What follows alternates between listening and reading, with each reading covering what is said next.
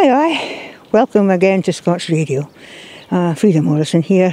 I'm out in my park again, enjoying the blossoms in the wee woody. I was a treat. You can hear the wind in the trees. It's near that warm. It's I was a treat though to, to watch the seasons change. And I was at this time of the year, the changes are, are just full of colour as the life comes back into the buds and the birds. And the place is full of new beginnings. It's the spring awakening, as Frank Wedekind would say. And around the place, out in the park here, there's life. There's pheasants over there fechting about something, and they show fit. And there's oyster catchers, busy little buddies going about, stomping about looking for grubs. And every now and then, probably when I hear them, when you want to hear them, the choucats cry out over the Plood Park. Every year they, they nest in the Plood Park. I think that has to be done, the sowing and the raking and the rolling. Foot why can they not just nest in my grass park next door? Nature. It's I was the wild. There may be a parallel there, something that can be conjured up out in that process. Fit why put your eggs in a place for they are bound to be smashed.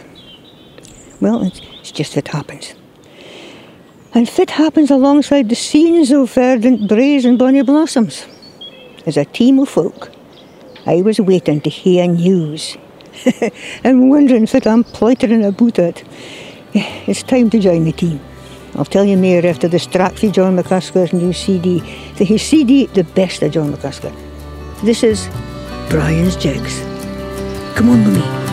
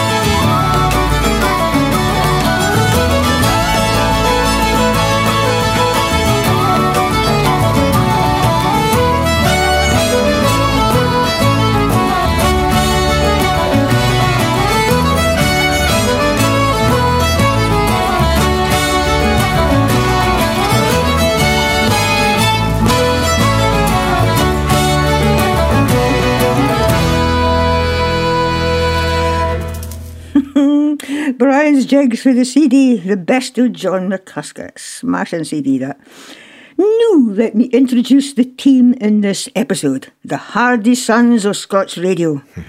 Keeping us hearts softer than soon in his B&B studio. Hello, Richie Werner. Come in, Richie. How are we doing, Frieda? Oh, How are we doing, fine. folks? Are you safe there in, in that company, I wonder? Safe and well, thankfully. The company is in a separate room with uh, padded walls and they're just fine. Allow me to continue.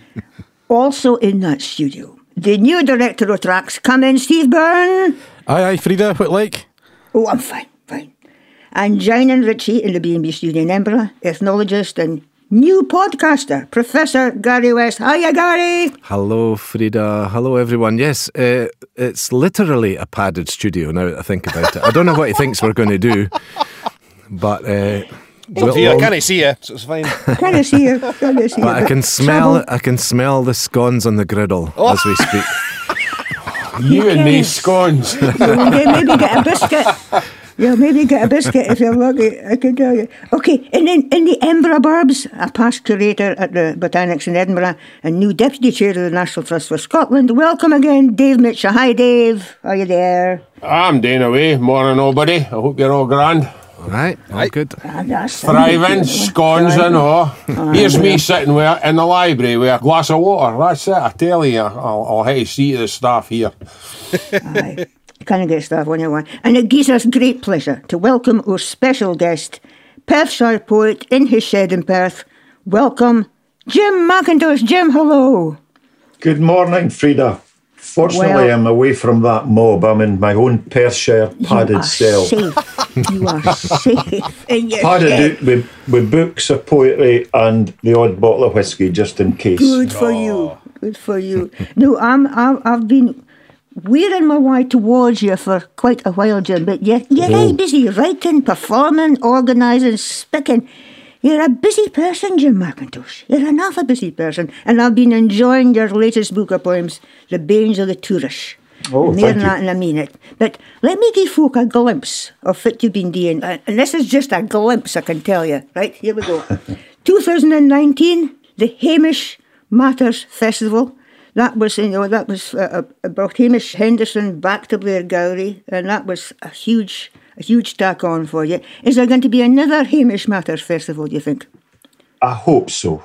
The the COVID bourach kind of put paid to it, like many other folks. But yes, and the, the biggest problem was that the Blairgowrie Town Hall, uh, of course, Blairgowrie being Hamish's birthplace, so it's only right that we brought. I mean, I know these Edinburgh lads kind of took a hoodie on, but he's a he's a Perthshire lad at the end of the day. But maybe, maybe next year, Frieda's the answer. I Hopefully, think. we're going to get that next year. And then we're going to the, the Beyond the Swelkie, celebrating the centenary of the birth of George Mackay Brown. It, it had begun very simply, and then it expanded, didn't it, Jim?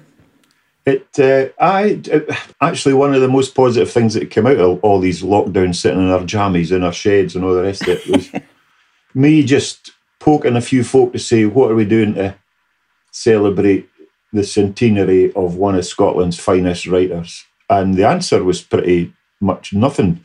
In Birlinn, we're doing a refresh of some of his essays and his and his poetry, but not a kind of a revisit or a or an opportunity for contemporary writers and poets to look at them. So yeah, that started as a, a wee project out sitting in the shed, and then ended up in this wonderful book, this anthology of essays. And Wonderful. then, it, of course, it blossomed into a wee kind of show at Celtic Connections Aye. as well. So.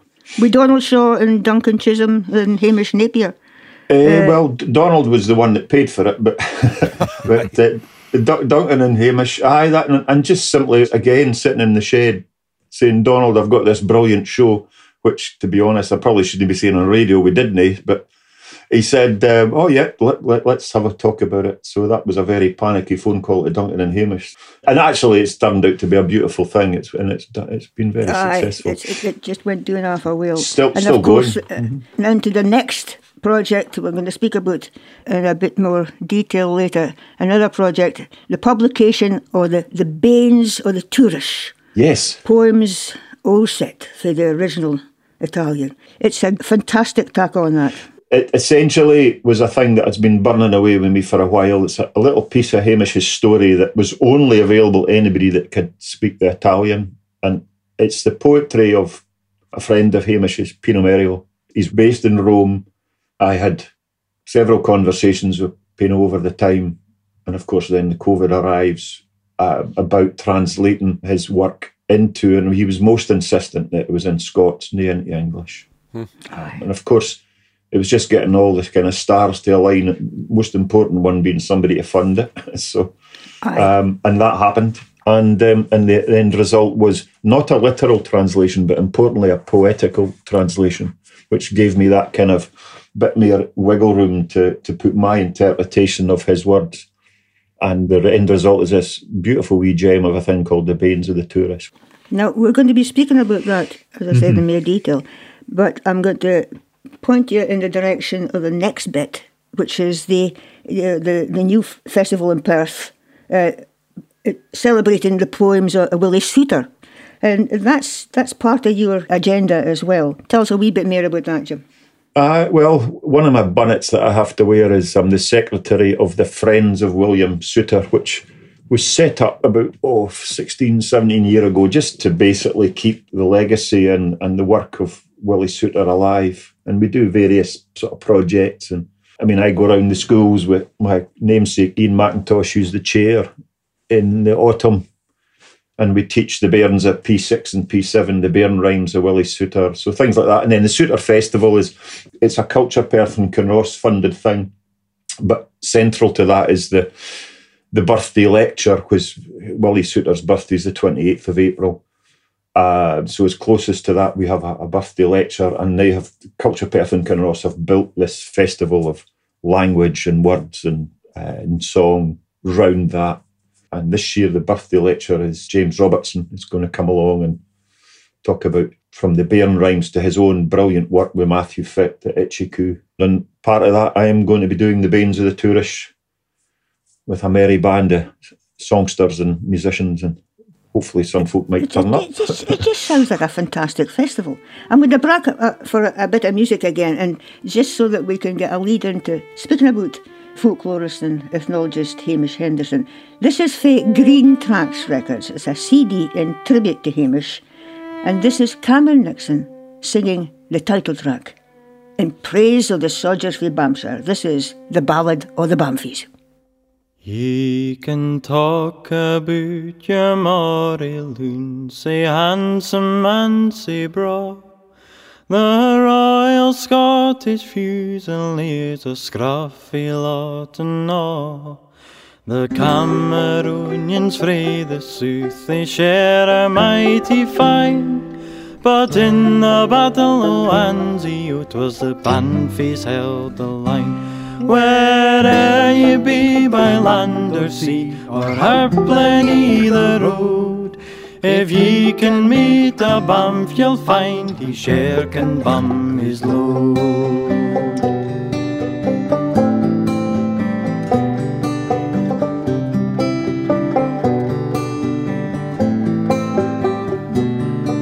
The Crofter sons of Banffshire, the Cooper frae the Glen, the weaver frae Trothaila and shepherd frae the Ben. The fisher lads along the coast, they all made up their mind to fecht and save the country in 1939. Where'er ye be by land or sea, or harplen either road, if ye can meet a bum, you'll find he share can bum his load.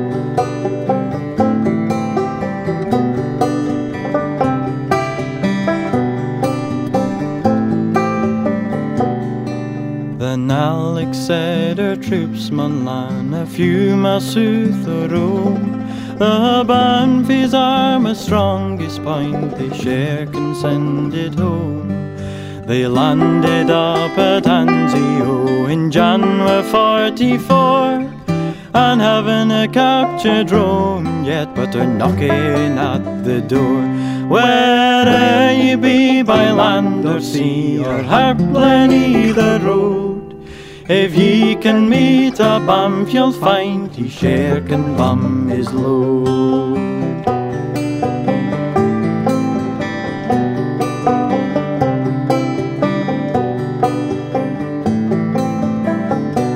Ye can talk about your Scots guard, say handsome and say strong.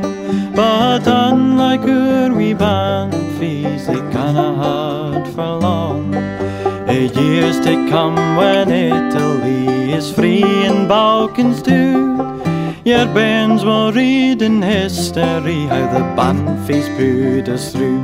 Whether you be by land or sea, or Harplen either road, if ye can meet a bump, you'll find he share can bum his load. Whether you be by land or sea, or Harplen either road, if ye can meet a bump, you'll find he share can bum his load. Another great song for Hamish Henderson. Cameron Nixon, one of the best voices in Scotland, I know, singing the title track to the tribute to Hamish Henderson CD, The Ballad of the Bamfies. CD produced by Fred Freeman, mixed by Fred and Richard Werner at B&B Studios, assisted by Lewis McLaughlin. What a talented bunch of folk we have. The pleasure to be among. And I welcome again our special guest to the programme, Perthshire poet Jim Mackintosh. Jim, you set up and curated the Hamish Henderson Tribute Festival, as we said, in 2019, just before lockdown. It was a huge success.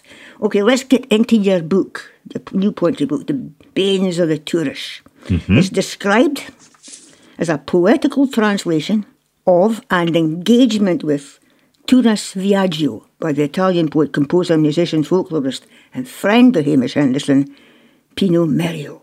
Now, some folk listening to this to this programme and hearing the name Hamish Henderson mentioned will now be familiar with it why he's being celebrated.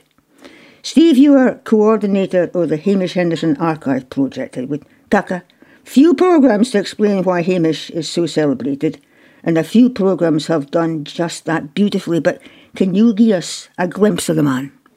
Well, Hamish was born in Blairgowrie, as Jim was, was saying, in, in 1919, and he was a, a folklorist, but he was a, a whole uh, of other things uh, for that. Uh, he was a, a sodger, um, famously a translator through his linguistic abilities uh, in the Second World War, and, and took the, the radio surrender of Italy uh, when Marshal Graziani uh, took him through that, the actual broadcast, and I think the family still has some of the, the paperwork for that.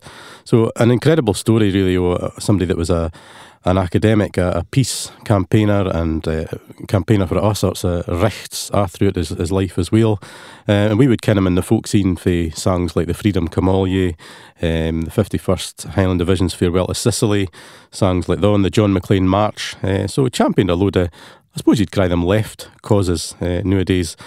And uh, I certainly got involved with, with putting together a project to, to make sure that his papers were were secured, I suppose, uh, for his, his family's care into the, the care of the, the library at Edinburgh University about, gosh, 10 years ago now. So.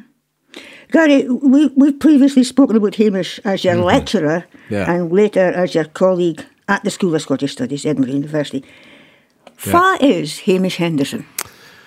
Well, I, as you were saying, I first met him as I was a laddie, really. I was not quite yet 18 when I came to Edinburgh, uh, to the University, to the School of Scottish Studies, and I was lucky enough to, to I suppose, just have this amazing array of, of scholars, you know, right in front of me every day. And Hamish was one of them. Uh, he was he was in his right time because if he was having to be at a university now, I don't think he would have coped with the ridiculous things that you hate to do, like pre-advertise what you're going to tell them, tell them it, and then remind them later what it is you've told them, you know, and and have a fully structured lecture with notes and slides and everything. Uh, Hamish would bumble in and would say, would ask us what he had told us yesterday. You know, and, and he was he was very posh. I, I- you know, because I knew quite a few pipers for Blairgowrie, and they didn't speak like Hamish Henderson. I can tell you. and, and he had mm. that was the first thing. He had this quite posh accent. And he would say, "Remind me where you know wh- wh- what we were talking about yesterday," and we'd and we'd tell him. And so he'd start there, and off he'd go again on all manner of tangents. And I remember when it came to the exams at Christmas in the first. So this was a few months in, and Hamish had been, maybe been teaching us for maybe five or six weeks or so. And I looked, and I had I didn't have a single note written. I thought this is going to be a disaster, and yet I did fine in the exam. It's because I realised after Hamish was a storyteller. That's what he was. He, he wasn't a hmm. lecturer. He was a storyteller. He would just start somewhere, wherever it might be. He would, you know, recount the stories of him being in on the continent in Germany before the war, helping to get vulnerable folk out. Then, you know, stories of his time with the 51st Division or whatever.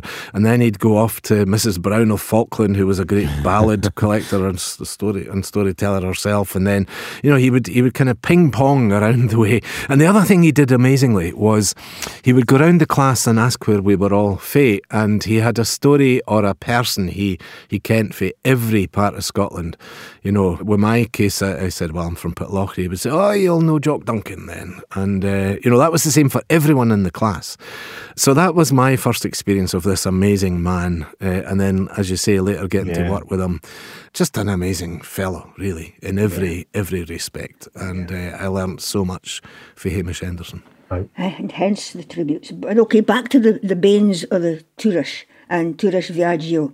So 221 Jim saw the birth of the Banes or the, the Turas. Clarify, first of all, uh, the, the, title. It's Turas is the Irish word for journey and Viaggio Italian word for journey. Am I, am I correct in that? It's, it's kind of uh, loose, but almost. Tu, well, Turas is, Turas is Scots Gaelic. Oh, Scots Gaelic. It, it, it kind of means the same thing. You can interpret Viaggio as both are kind of the, the journey, the road, the path, the, the way sort of thing, you know. So my way of putting it in was that uh, what I was doing was a poetic translation or an hour setting into Scots, having engaged a wonderful man called Ruggero Frezza who lives in Perth. He translated it all into kind of into English, but said, Jim, with your failed Italian O level for Perth Academy, 1970 oatcake. Um, you'd never have got there because Pino is Sardinian, so there's a very strong thread of Sardo with a Rome dialect. This is it would have been like translating Cornish into Doric straight through, and you'd never have got there, and or, or vice versa. So th- that gave me the license, as I said earlier, to, to to put my own kind of interpretation, as it were, onto it. Can I, can I read a wee bit through the, the book? It's, it's Janet mm-hmm. Henderson, mm-hmm. daughter of Hamish. Mm-hmm. Uh, her little text bit I, I, found fascinating. I'll just read a wee bit extra. And translating poetry, she says, is far from easy. It requires the translator first to inhabit fully the emotions and feelings of the poet, and then conjure up that experience afresh for the reader. What it requires the translator to disappear and become one with the poet's experience. Were you aware that that's what was happening to you, Jim? When I was staring very depressed and miserable at a blank page saying, What the heck have I signed up to here? Yes. I mean, I think this is probably the hardest thing I've ever done because you're having to do all of what Janet was saying there. And I, I didn't take it lightly. I mean, I went back and read, literally read as much as I could about Hamish, you know, Tim Neat's work, the Armstrong Nose all the letters and and went back, read the Gramsci prison letters that Hamish had done the translations of, and then even went back and read all about Sardinia because there's there's elements about Pino's homeland and uh, in, in in the book as well. Right in the middle, of course, was an Italian version of Carnac, which is one of the elegies. So ironically, it was translated by Pino from Hamish's English into Italian, and then I've, I've ever set it back into Scots. That's great. Jim, could you give a wee, a wee snippet of, of it, if it sounds like? I shall read you the very last bit in the book. The last poem is called Spitla Glen Shee.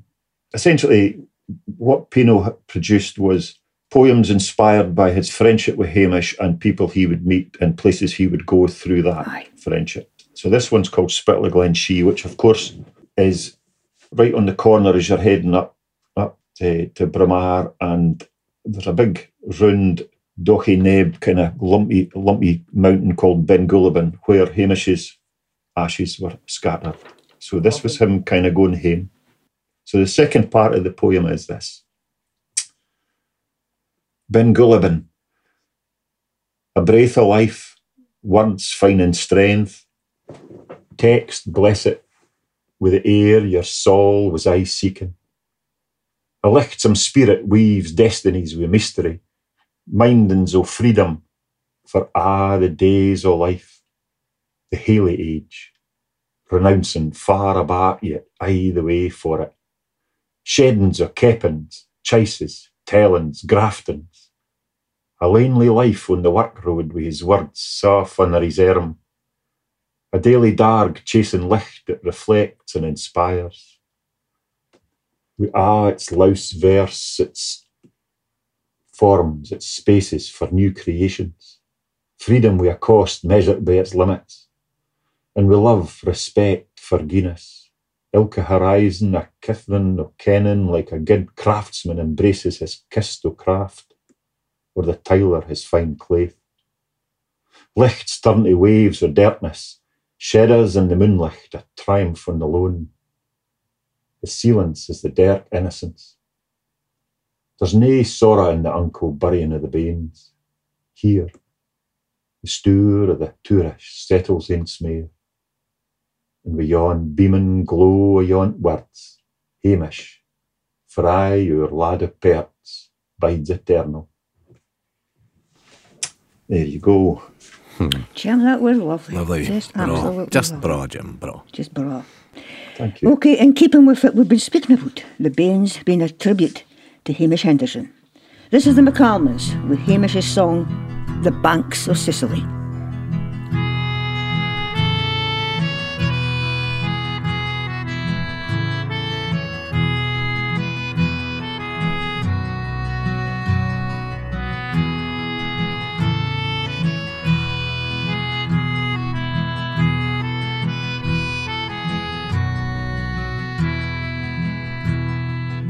Eh, the pipey is dozy, the pipey is fair. He will a come roon for his vino the day. The sky o'er Messina is unco and grey, and all the brick chomers are. Fair will ye banks o' Fair ye will ye valley and shore. There's nae jog will mourn the Kyles o' ye, where bloody squaddies are weary. Fair will ye banks o' Sicily, fair ye will ye valley and shore. Smooth the wiles o' ye, where bloody squaddies are weary. Then doon the stair and line the waterside. Wait your turn, the ferries a war. Then doon the stair and line the waterside. All the brick charmers are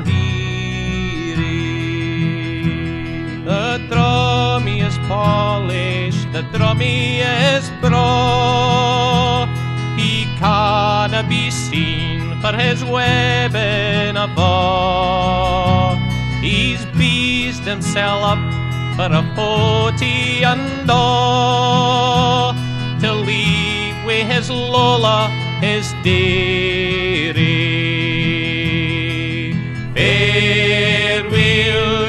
Will ye die, so Sicily, ye will ye shilling and haw.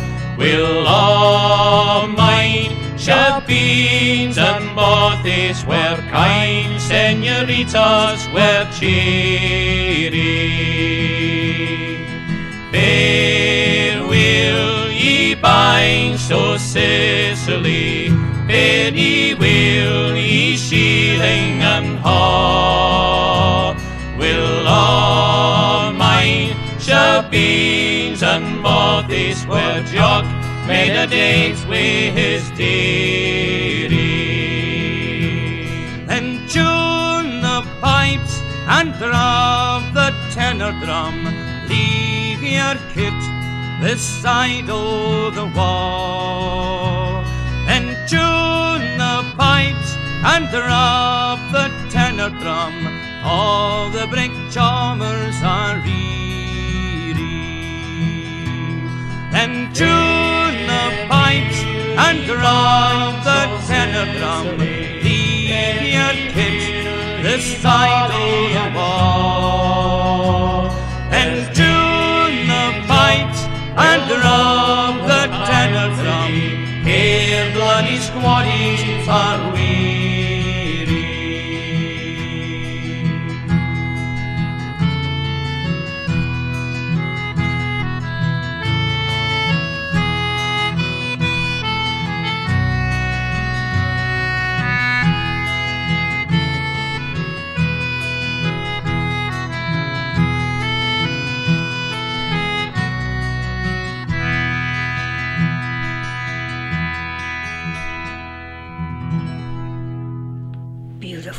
just beautiful. The McCalmans were the banks of Sicily to the tune Farewell to the Creeks. The Creeks being a special place, a rocky bay, nae far through the Bowfiddle Rock at Portknockie in Banffshire, or Monishire as it's called now, after I played rafties in that bay as a bairn. You're listening to Scots Radio. I'm still Frieda Morrison, and with me is Dave Mitchell, Gary West, Steve Byrne, and in the wheel, while steering us through the waves, is Richie Werner and our special guest, Jim Mackintosh. Ray. now then, just down the road, still on that same coastline through the creeks, sits Banff Academy. And as it so happens, this is where Jimmy Robertson, for wrote that tune, Farewell to the Creeks, was the janitor. Gary, you hear a lovely story about the time Hamish Henderson met Jimmy Robertson. Do you want to tell us? Aye, it's one of my favourite recordings. It's in the School of Scottish Studies, and I think it was 1953, if I remember correctly. Hamish uh, was on one of his tourishes to the northeast of Scotland, and uh, he met. He went to interview Jimmy. And he was just chatting generally about Bothy ballads and how Hamish reckoned that a lot of the, there was a lot of connections between pipe tunes of the northeast and the Bothy ballads and so on. And then he said, "Wait a minute, you uh, you wrote uh, a tune, didn't you? The Farewell to the Creeks." And Jimmy went, "Aye, aye." And he said, "So where where did you write that?" He says, "Well, as a matter of fact, I was a prisoner of war at the time, 1915." Uh, I'd been taken a prisoner of war, and I wrote it. I wrote out the tune on the back of a bit of yellow blotting paper, and I hear it still. He said, and uh, Hamish said, "Oh, so what, what were you thinking of when you wrote the tune?" He said, "Well, I was just back in my mind to my, my childhood at the, the creeks of Portknockie, as as you were saying, Frieda." And Hamish says, um, "Yeah, well," he says, "when I when I was in um, the square at Linguaglossa." in Sicily. The pipes and drums of the 153 Brigade came marching down into the square and they were playing your tune. Uh, and these words just this started to come into my head, you know, and, and he said, um, as the tune was there, and I was just thinking, da da da da dum fair will ye banks. As... So then he said, "Have you heard the song before?" And Jimmy says, "No." So so he said, "Would you like to hear it?" Aye. so he sings it through, sings them the. So there you go. That's that's the words I put to your song. And Jimmy went, "Aye, aye, nae bad." But it's a lovely moment, I think, of uh, actually a very important cultural moment of the coming together of two yeah. two great uh, exponents of their tradition, you know. And and I like it particularly because Jimmy Robertson was the first pipe teacher of pipe major Ian Duncan, who taught me. So there's a, a kind of mm-hmm. direct oh. direct connection there oh, too. So I love the story, so the connection yeah. there. Well, there's more connection because it just say happens that Banff Academy is for our next feature comes with.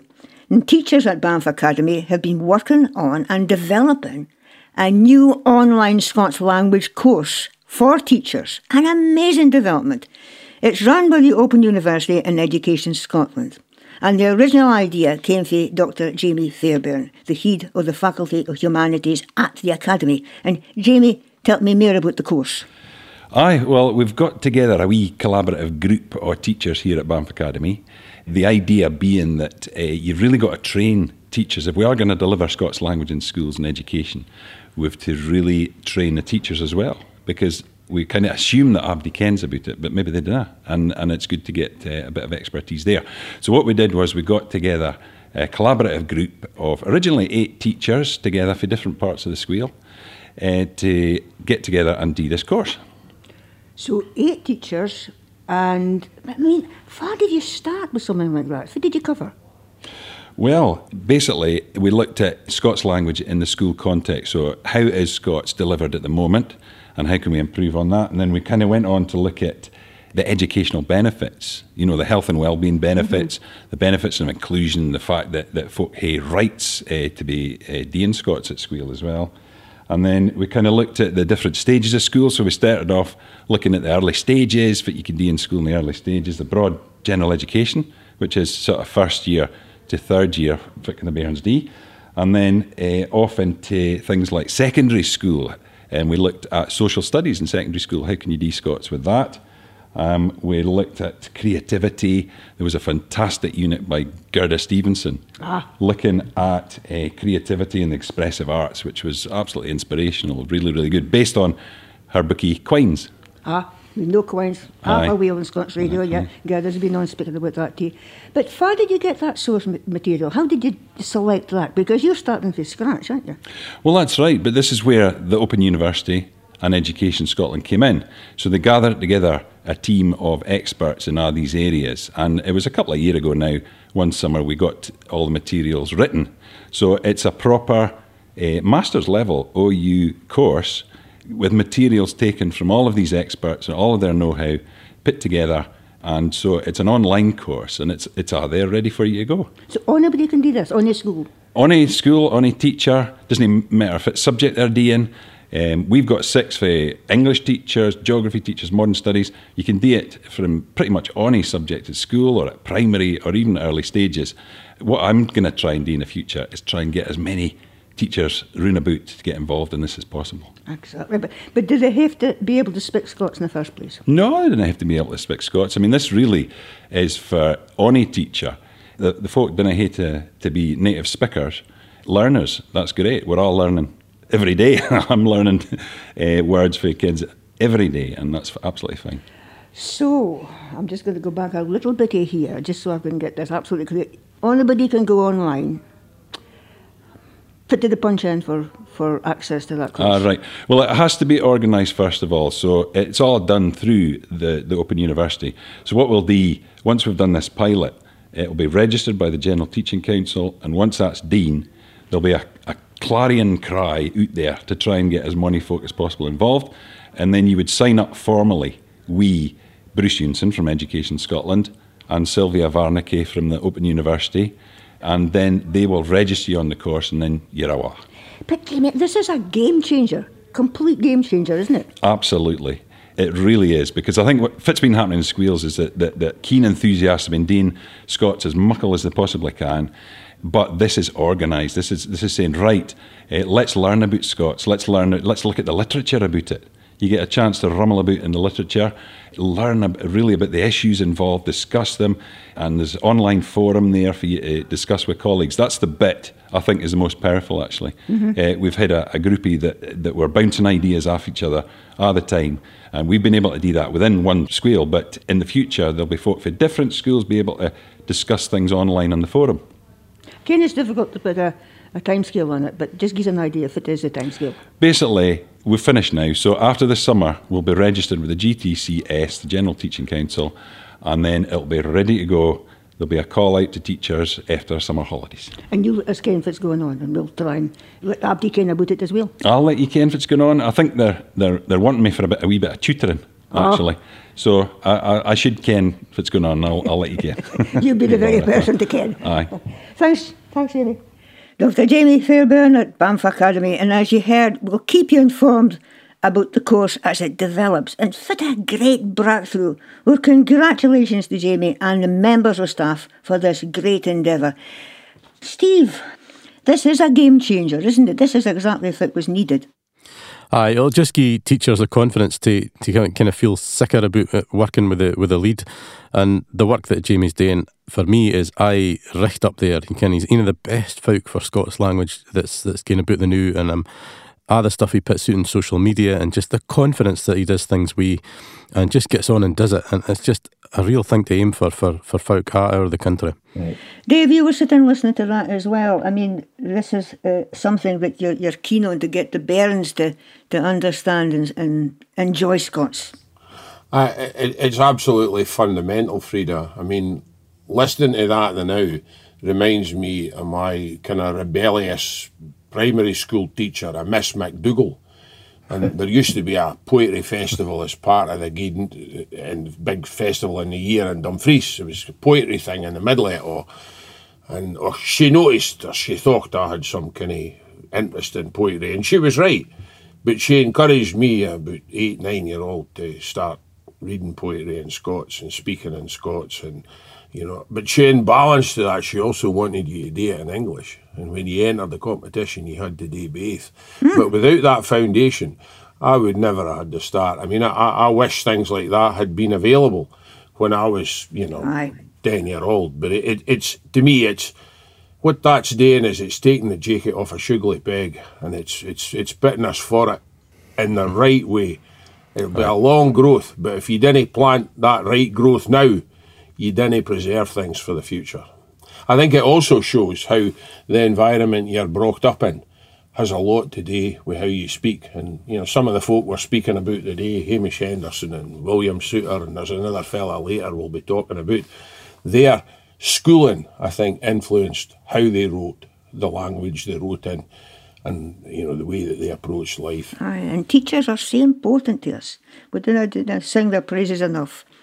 And uh, Dr. Jamie Fairbairn, I have to congratulate Banff Academy on another endeavour. They have three films entered in this year's Doric Film Festival, led again by Jamie Fairbairn at the staff at the Academy. And the Doric Film Festival will be staged at Robert Gordon University on the 16th of June. And more information from the Scots Radio website and the Doric Film Festival website, but we'll keep you informed. Right, another bit of music. This is for Ross Ainslie and Ali Hutton, their Symbiosis CD and a track card. Bongo!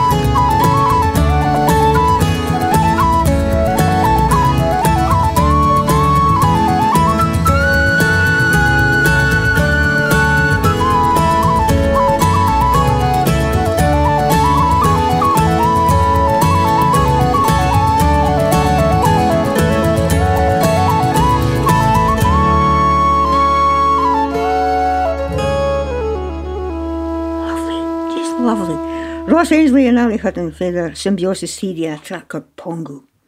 You're listening to Scots Radio. I'm still Frieda Morrison, and with me is the team. This in this episode is Professor Gary West, Steve Byrne, and Dave Mitchell, with special guest poet Jim Mackintosh.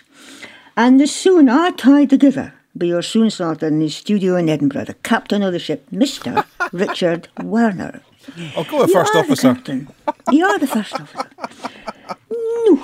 As I mentioned earlier, Jim, you are part of the Soutar Festival in Perth, a celebration of the work of Perth-born Willie Soutar. Willie is his Afcad. Spent most of his life confined to his bed. And despite did, his aye. disabilities, he left us a, a, a- just a wonderful legacy of poetry and writing, both in Scots and English. And, uh, of course, Abdi kens about the song The Tryst to the Tryst. Uh, he's often referred to as the most important Scottish poet of the 20th century, and titled it Didn't Ging Doing Well with his chum Hugh MacDiarmid. But uh, I've got the, the first edition, or one of the first editions of the one, 1933 is the date in this thing, for The Seeds in the Wind. That's the poetry Oh, book dedicated to Burns, dedicated to Evelyn in the book. I'm just turning the pages now. To Evelyn. Now, she was his mother's cousin's daughter, Evelyn Yes. was. CJ. Yeah. Get that right. Well, her parents, her parents were in Australia, and they both tragically died in an accident.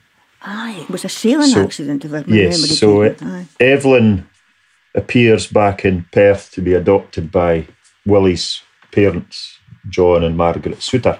Aye. Uh, should be about five, I think, at the time. So Willie went from feeling pretty rightly sorry for himself as he was lay pretty much in bed for 13 years, but this bundle of energy and nonsense appeared bouncing on the edge of his bed. What he then undertook were nonsense poems, bairn rhymes, Whigmaleries as they were called as well How lovely. basically entertainer because this is well before YouTube and and the like for, for comics and stuff, you know. So oh, Aye, it's lovely. Have you got a, a you can read for us? Just I can read example. this one. Yes, I'll quickly read this one. And if you want to see it, it's actually carved on the stone pillars in Tay Street, just up for the railway bridge. It's called oh. "A- Aince Upon a Day. And it's one of the ones that we pick, we pick and teach to the bairns in Perthshire every autumn. It's a popular one. Aince upon a day, my mother said to me, Dinna clipe and dinna ripe and dinna tell a lee. For gin ye clipe a craw will name ye, and gin ye ripe a daw will shame ye, and a snail will hease its hornies out and hike them roon and roon about, gin ye tell a lee. Aince upon a day, as I walk at Emma Lane, I met a daw and mony a craw, and a snail upon a stane. Up gaed the daw and didna shame me. Up gaed ilk craw and didna name me. But the wee snail he's its hornies out and hiked them roon and roon about, and just goggled at me. It's uh, not the same when you can't see me doing the actions because we teach all the. it, you got you got to do all the wee bit with the bird and the wee bit at the end. The the, the bairns eye crease us because they do the wee hornies with the fingers up in the head and Oh, everything. you can just imagine it. It's a fantastic. It's it, it's grand to hear that uh, that Jamie Fairbairn's qualifying and making a, making it, as Steve said, to, to professionalise and make it okay for teachers to to, to teach the language. It's bro- Normalised, professionalised for different. normalise. It's just it's just bra because it's just something that we've been chuntering away here in our own wee bit. And we are restricted basically by numbers. Um, I think we could teach every Perthshire school Scots poetry every autumn. It's just you can't do it. It's just you need, you've got a six weeks window, you know. So Aye, it's coming yet for all that though. I tell you what I, I, I love about that poem, Jim, you know, although it's one of his Bairns rhymes, but like all his work, it, it really shows the in-depth kin knowledge that he had of nature. I mean, he was he was sick and an observant man. Um, Yes. His mind must have been like a sponge for what he was seeing. And he- he, he's able to capture in just a few lines the magic of the natural world. I mean, a while ago, I had a poem that we spoke about by him called Wintry Day. And this morning, I was looking through his collective poems and I found a, just four lines, five lines that just so appropriate for this morning. It's called Summer Snow.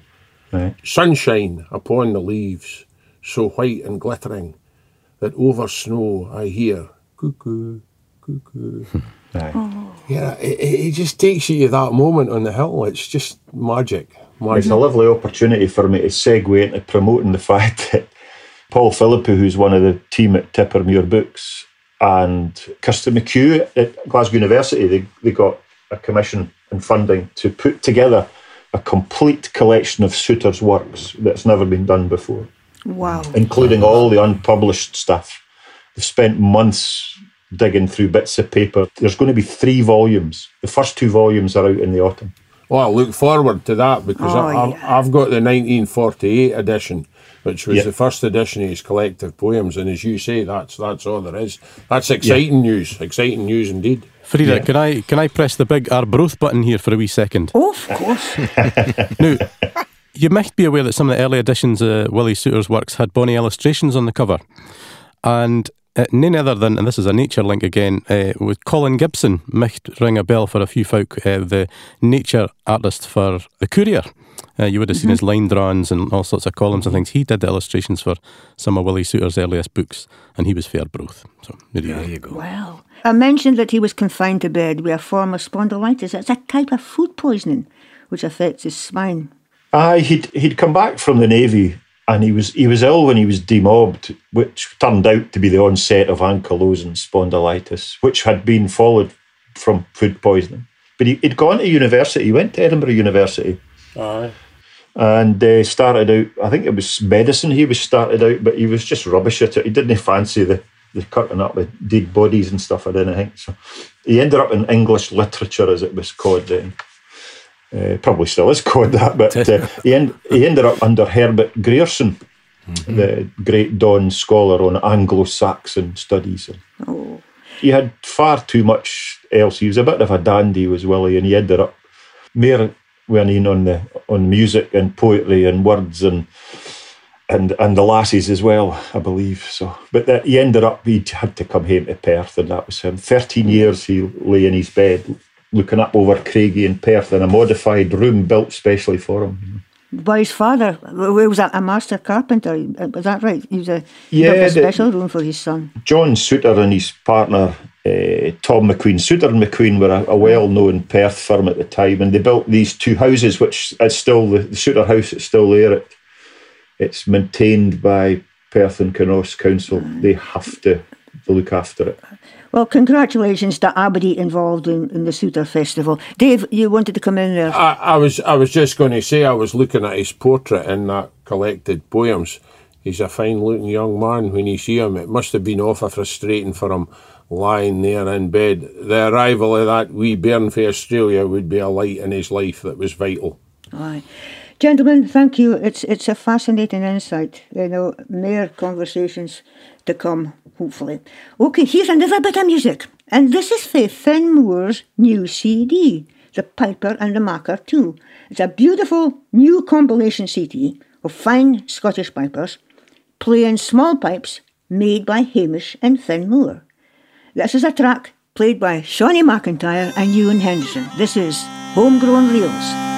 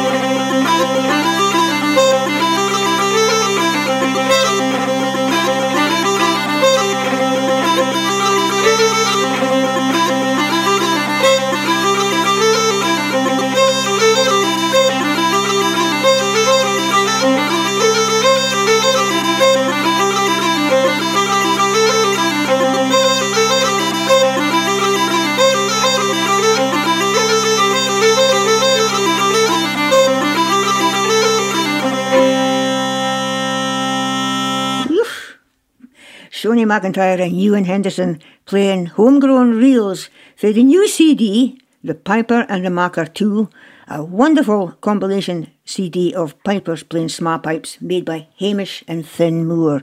Much recommended. No, Gary and Steve, you're on that CD. Very much part of that CD. Gary, tell us more about what's in there.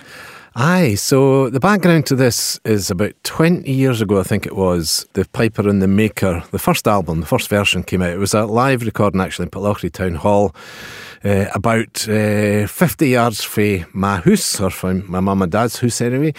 They were all, at that time, pipes made by, by Hamish Moore and uh, all small pipes and border pipes. And then when Fin, of course, joined his dad in, in, partnership, they've been making lots of sets since then.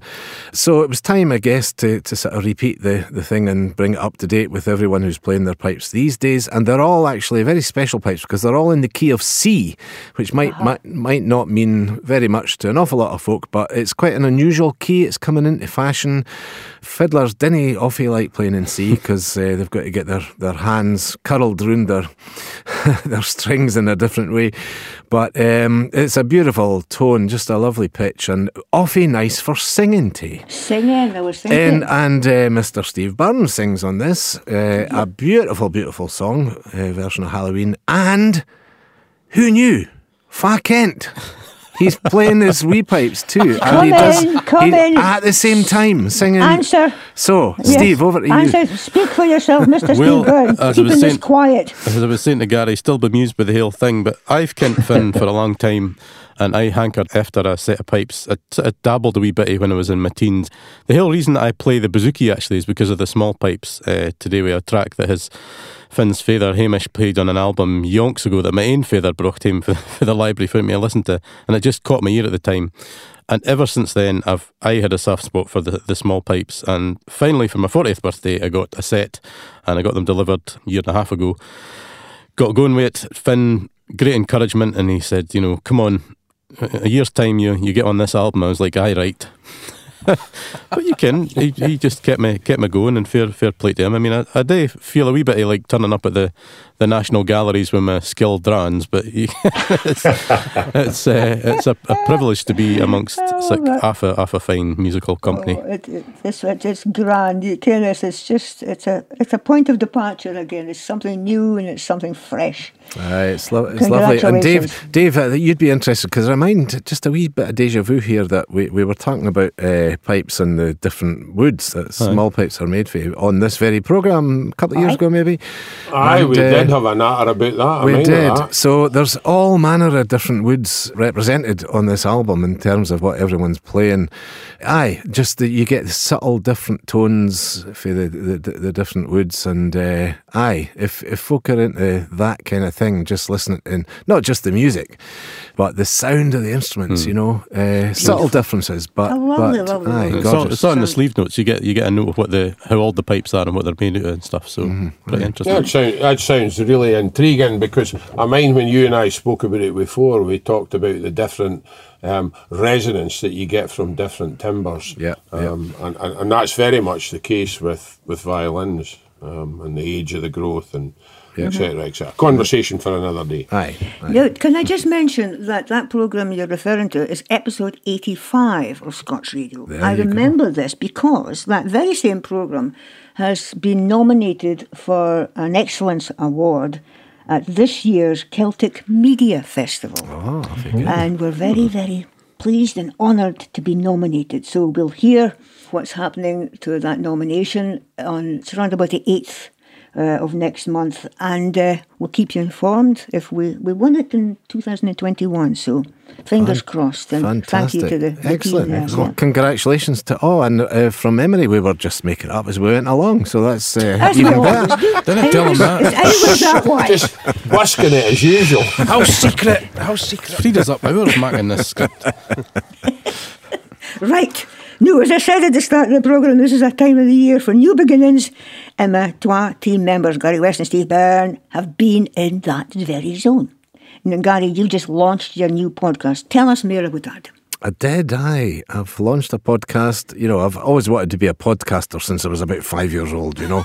I thought someday they're going to invent a new word called podcasting. and I want When to you do were it. five, yeah. And I want to do it. But uh, I know after 21 years on Pipeline, uh, I'm no more. I uh, well, basically got my jotters for the BBC, so so uh, I had to give up my uh, 1.5 million pounds a year salary. Of course, that's oh no, that's range. that's That's the the other range. guy. It's the football guy. That's the other Gary. That's that's Gary Ennis. Tap the floor. Tap the floor.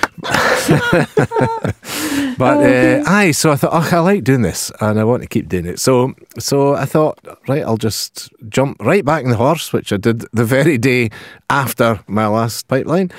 Every program I think I ever made, which was almost a thousand of them with the BBC, I finished with the daft catchphrase "Enjoy your piping," and I've I can't mind where that came from, but. Um, and it's very kind of retro having a catchphrase at all. Very 1970s, you know. But I thought, ah, let's go with that. So I, I thought, well, I mean, folk actually used to come up to me at piping competitions and just kind of say it to me, you know, just, Gary, enjoy your piping. So I thought, right, okay, I'm, I might as well keep that. So it's called Enjoy Your Piping with Gary West Aye.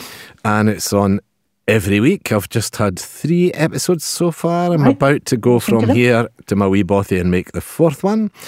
Uh, and it's basically, aye, it's all about piping, but not exclusively piping. I've had a bit of singing on it and lots of chats. We're recording this, as some folk might have realised, on Anzac Day. So I'm doing a wee Anzac special uh, of sort of Australian and New Zealand piping, but also a chance to bring in a wee bit of uh, the recordings that Jock Duncan did that I've spoken about on this program before. His uh, the Jock's Jock stuff, his collections for the First World War, and he, he he spoke to a few folk who had been at Gallipoli, particularly in the Scottish Horse, my local Perthshire, one of my local Perthshire regiments, raised in Dunkeld. Um, so uh, it gives me a wee excuse to, to play a wee bit of jock stuff. Anyway, so it's uh, aye, it's it's all about piping, but not necessarily just actual piping. If you if you see what I mean. So It's good. It's so good. uh, aye, it's uh, you can find it on all the usual podcast places, um, or my, my my own website's just garywest.scot. Aye, it would be great if folk want to hear We wee listen. and it will give you as much encouragement and and uh, chick, uh, good good humoured cheek uh, as well to, to help you on your Absolutely. walk. Well, I give you, I give the Scots the, the, this this very program, Scots Radio, a wee shout I out in, heard- in I episode heard about one. that. Yeah. So uh, keep them in with all my fellow broadcasters, Ken. Yeah. well, uh, it's very safe. Thank you, Gary, and our best wishes for your endeavours. Thank you very much. Now, this is a track I think you'll like. This is the legend Gordon Duncan with the Just for Seamus set.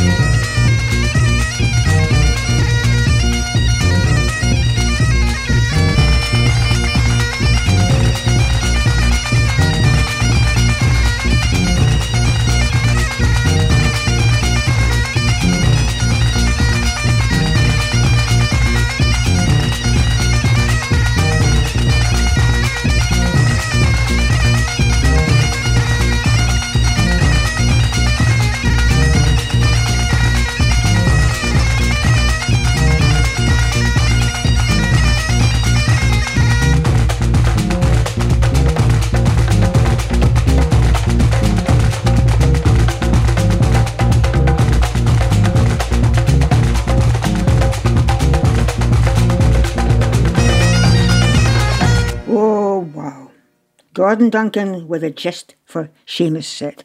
Fantastic recording that. And just to add to the theme of new beginnings, I turn our attention to the notable Steve Byrne, the new director of TRACS, Traditional Arts and Culture Scotland. Steve, before we get into what's been happening there, gives an explanation briefly of Fit TRACS Des. Thanks, Frieda. Well, uh, TRACS, I suppose, I was saying to describe it to somebody the other day, and, and I said it was kind of the house in where we have three forums that, that bide there.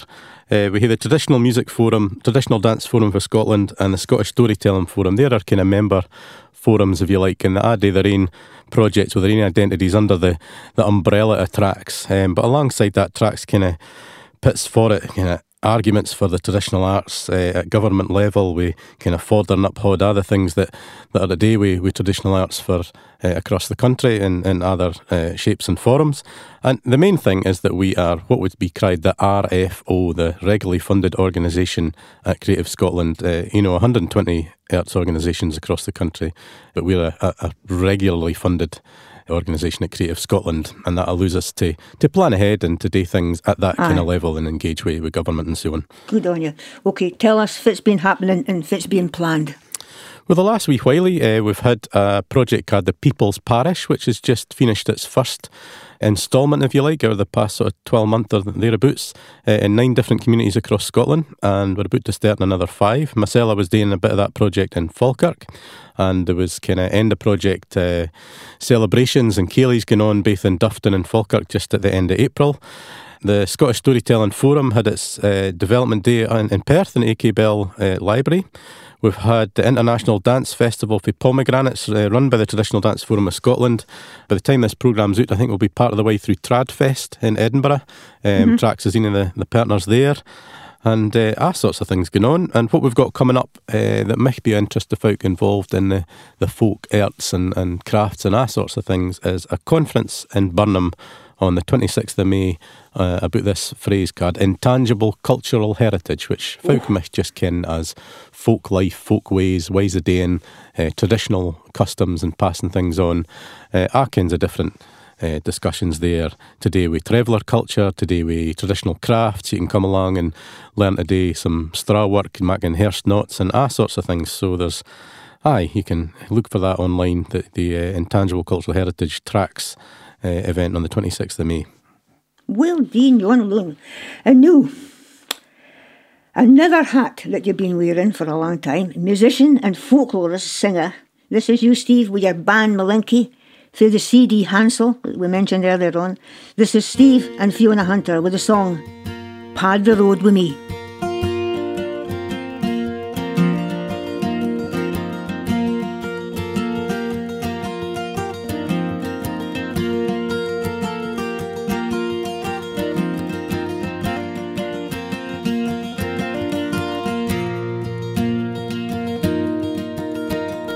Says I, my dearest Molly, come let us fix the time.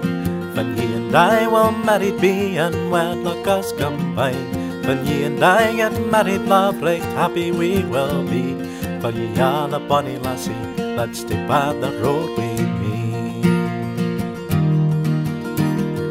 To part the road we you, sir, called one thousand coming on. Besides my aged parents, had not a girl but one. Besides my aged parents had not a gal but me. So know the bonny lassie that's the path the road with me. Oh, never mind cold winter love, the spring will follow on. Come sit ye down beside me and I'll sing you a nice song. I'll sing you a nice song while I diddle ye on my knee. For you're the bonny lassie that's the by the road with me other lads that I he had, they of cruel mind. They beat me and badgers me and proved to be unkind. They beat me and badgers me and guard me through the day. That better get my love to them to path the road away.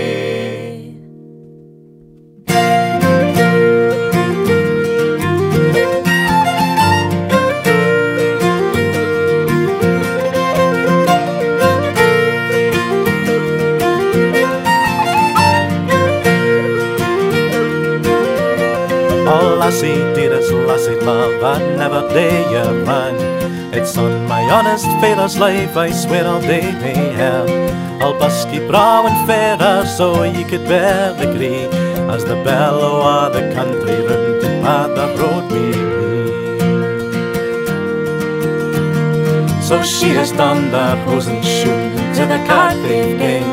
And long, long a morning that couple were mating. And long, long in the morning her troubles were set free. For she's the bonny lassie that stood by the road with She's the bonny lassie that stood by the road with She's the bonny lassie that stood by the road with me.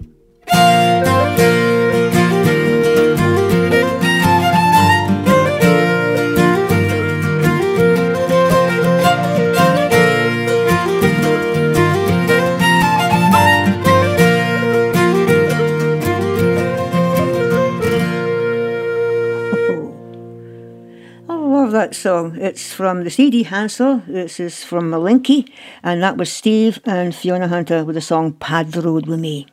Right now. Fitzo trusted and tried other team member offering us as his new beginning. Now, Dave, you found a new point. Dave Mitchell, come in. Aye, I hear that, Frieda. A, a funny fella called William Henry Ogilvie, or Will Ogilvie. He was living about the same time as Willie Soutar. It's only in the last three or four years that I've been looking at his screevings, and there's some other broad thoughtful works there that reflect his kind of love of nature and his interest in life.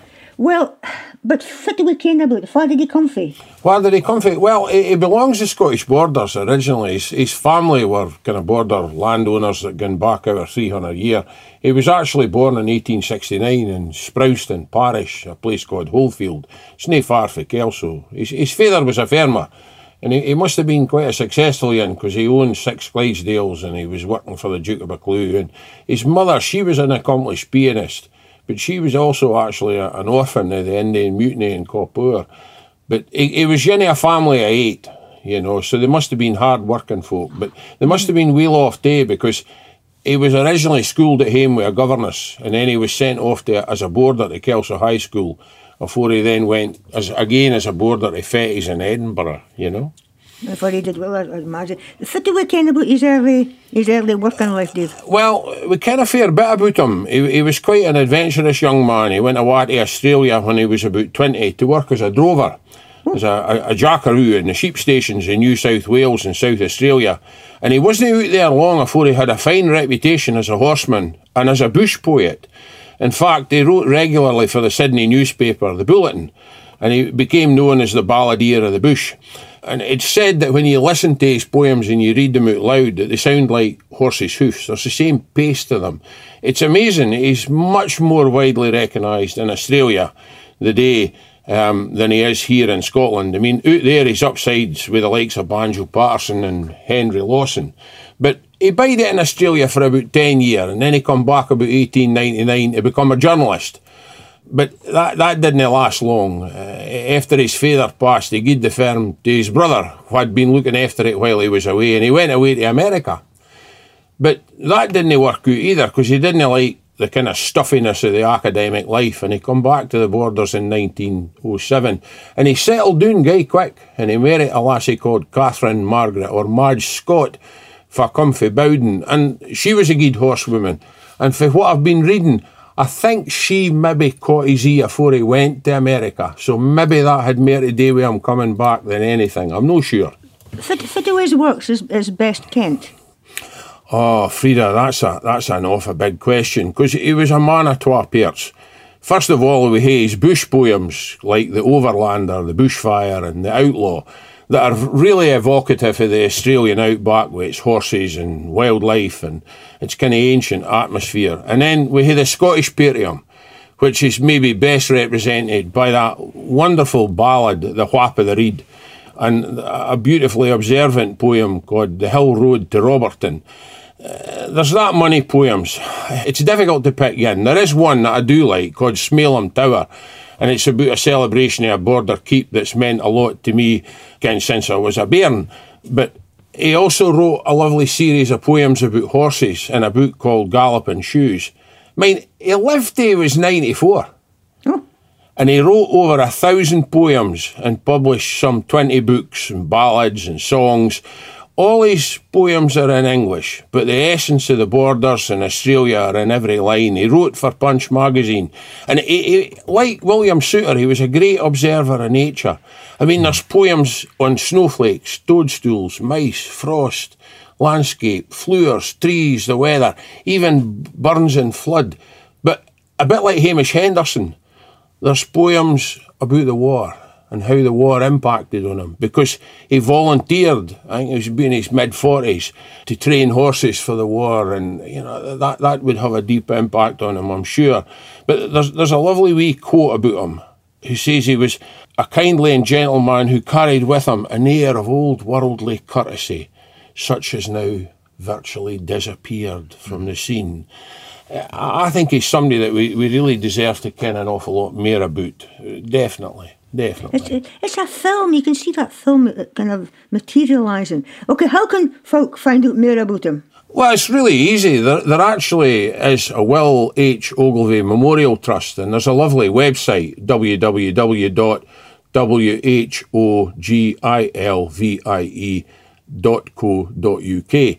But you know the best roads, if you fancy tucking your salute for a drive, you could head for Harding Glen.